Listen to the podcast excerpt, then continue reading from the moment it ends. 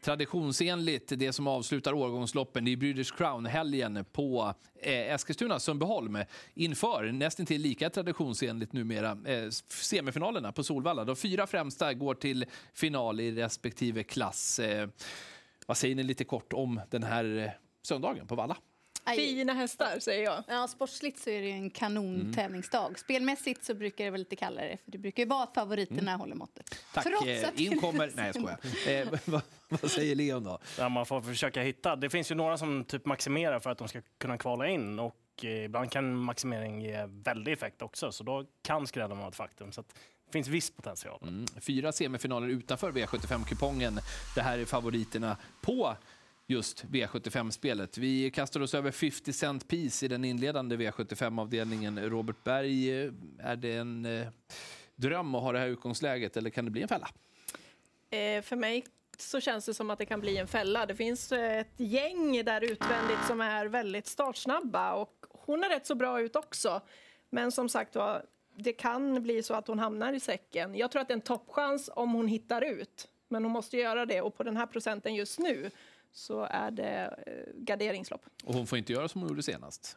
Nej, hon får inte hoppa. Nej. Men jag tror att hon är tillräckligt bra för att hitta ut i alla fall. Hon eh, kanske till och med kan maxa sin provstart där också och hålla ledningen. Så att, eh, hon blir grön. Ja, I mina ögon blir hon ju röd.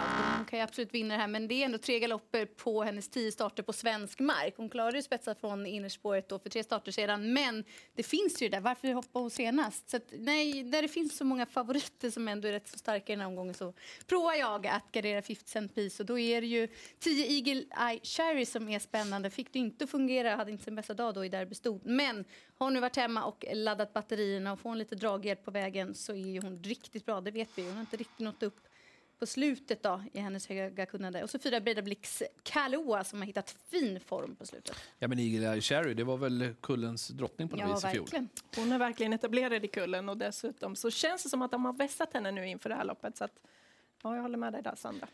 Till V75 andra avdelning och till Donny Setti som sparsamt anlitade favoriten då kanske. Men det här var ju en häst som eh, i kriteriet skulle blandas i segerstriden. Ja, det är slagsmål om knapparna här. Ja, det är därför då... jag lägger ut eh, texten lite extra så att ni ska få bestämma ja, vem jag ska trycka först. Ni har landat till Sandra. Varsågod. Ja, Leon lät sig han vänta. Han vek ner sig i spetsstrid. Donizetti är ju jättebra, men han var inte lika bra i kriteriet och i finalen senast. Nu har man varit hemma, behandlat hästen. Hur är formen? Han är dessutom inte snabb ut bakom bilen. Så att som favorit tycker jag det känns som att det finns frågetecken. Sex Devils Tang, Sandra Erikssons fina hästar. Jag vet inte hur bra han är, men han var ruskigt bra senast på V75. Den där startsnabbheten, och hon säger det, nu har jag inte rest Sovalla för att släppa någon ledning om jag når den positionen. Och han är ju trots allt obesegrad även på den positionen. Så klart tuffare emot, men jag tycker ändå att han är spännande.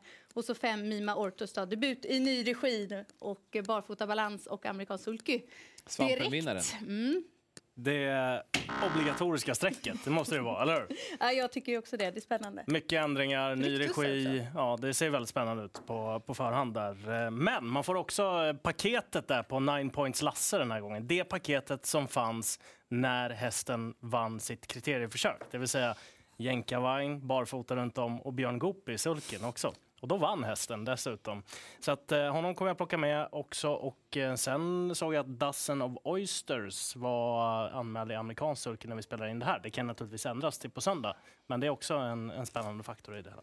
Mm, jag håller med där. Jag trycker grönt på Donizetti. Jag vet inte riktigt vad jag har honom. Och eh, Sex Devils Tang, väldigt intressant om hon kommer till ledning, Sandra Eriksson. Eh, där vill hon ju köra. Och Eh, det var inte långt ifrån han kvalade in till kriteriet. Han är en väldigt intressant häst. Och så är jag också inne, även om det är spår 12 på Nine Points Lasse, hur såg han ut efter den där galoppen senast? Då? Han var riktigt läcker. Han har verkligen formen på topp, nummer 12, Nine Points Lasse. Jag vet, det är jobbigt därifrån, men jag vågar inte räkna bort honom. Hon var nära att vinna EM för treåriga ston härom sistens. Favoriten i V75ans tredje avdelning. Det handlar om nummer åtta, Red Lady Express, som Christian Persson tränar, som Carl-Johan Jeppsson kör och vilket färgstarkt ekipage det här har blivit. Ja, eh, 22 på henne när vi spelar in det där. Det känns okej okay, för hon har rätt bra startsnabbhet eh, också. Och eh, som du sa, hon kom tillbaka från den där galoppen och gjorde någonting riktigt bra av det i den senaste starten dessutom. Så att hon får bli tidigt bud i det här loppet. Men Eh, nummer sju, Identity, ska definitivt med. Den eh, satt ju med sparat i mål i Svensk Travvox. Eh, fick aldrig chansen fullt ut där och eh, känns väl kanske som att det är mitt första val i loppet ihop med Red Lady Express. Ja, jag tycker rött på Red Lady Express. Eh, läget är för jobbigt. Jag tror inte hon kommer till någon ledning här. Det är startsnabba hästar invändigt och jag tror inte de ger bort någon ledning till henne heller. Ayla Misisu, hon stortrivs i ledningen. Hon kommer ju laddas och köras där och man kommer dit och så sju Identity. Ja, jag håller med dig där Leon. Vilken läcker häst alltså. Eh, satt lite småfast där i Oaks och som hon avslutade bakom Laura Bocco i försöket där. Hon är väldigt, väldigt spännande i det här loppet. Ja, ni har ju sagt det. Jag tycker det är okej. Jag kan köpa den här presenten på Red Lady Express, men jag har ju också sju Identity precis där. Jag tycker också att Medan Red Lady Express har ju haft en, en längre säsong så känns det som att Identity det där pekar i kurvan uppåt och intrycken hon gick i mål med sparet senast, ja det tar jag till mig. Det är väl eh, också så att eh, kurvan pekar lite neråt på Ailey Mist Sisu. Ja. Minst sagt i den senaste starten i alla fall. Så att, äh, ja, 7-8 känns helt givna. Barbro Kronos då? Ingen seger än i år på åtta försök för Barbro Kronos. Nu ska man bara hux flux vinna British Crown-semifinal här enligt spelarna. Alltså hon är bra, men jag tycker inte att hon ska vara favorit och inte så här till närmare 35 och sen Alltså, bättre utgångsläge också, men här finns skrällen. En som jag verkligen vurmar för i omgången, om aktionen funkar. Och det är 5 MT Perrett. Hon är ju bättre än vad formen ger sken av, men det är den här aktionen som inte alltid funkar. Men näst senast då gick hon riktigt bra bland tuffa hästar. Hon var ute och mötte vissa ston som är med i stoeliten, bland annat Dixie Brick och var då duktig som trea. Så att har Mattias Djuse fått till stilen på henne till den här starten så tycker jag att hon är tidigt till låg procent. Ja, eh, här finns det ju eh, just nu i alla fall när vi spelar in det här, fynd för Hall of Am. Den är sträckad under 10 procent när vi spelar in. Det kommer den inte vara sen naturligtvis. Men just nu är det stekhett skulle jag säga. För det där är en häst som kan oerhört mycket. Sen är Global Bread to Win nummer 10 anmäld med amerikansk sulky också. Det är en häst som har imponerat stort på mig i alla fall. Och eh, har ju varit i Sverige tidigare och delvis imponerat här eh, också. Jag tror eh, att startryggen där på Barbro Kronos kan göra att man hamnar en bit bak, så det kommer krävas en riktig toppinsats om man ska vinna loppet. Så därav eh, är det aktuellt att söka efter lite skrällar där.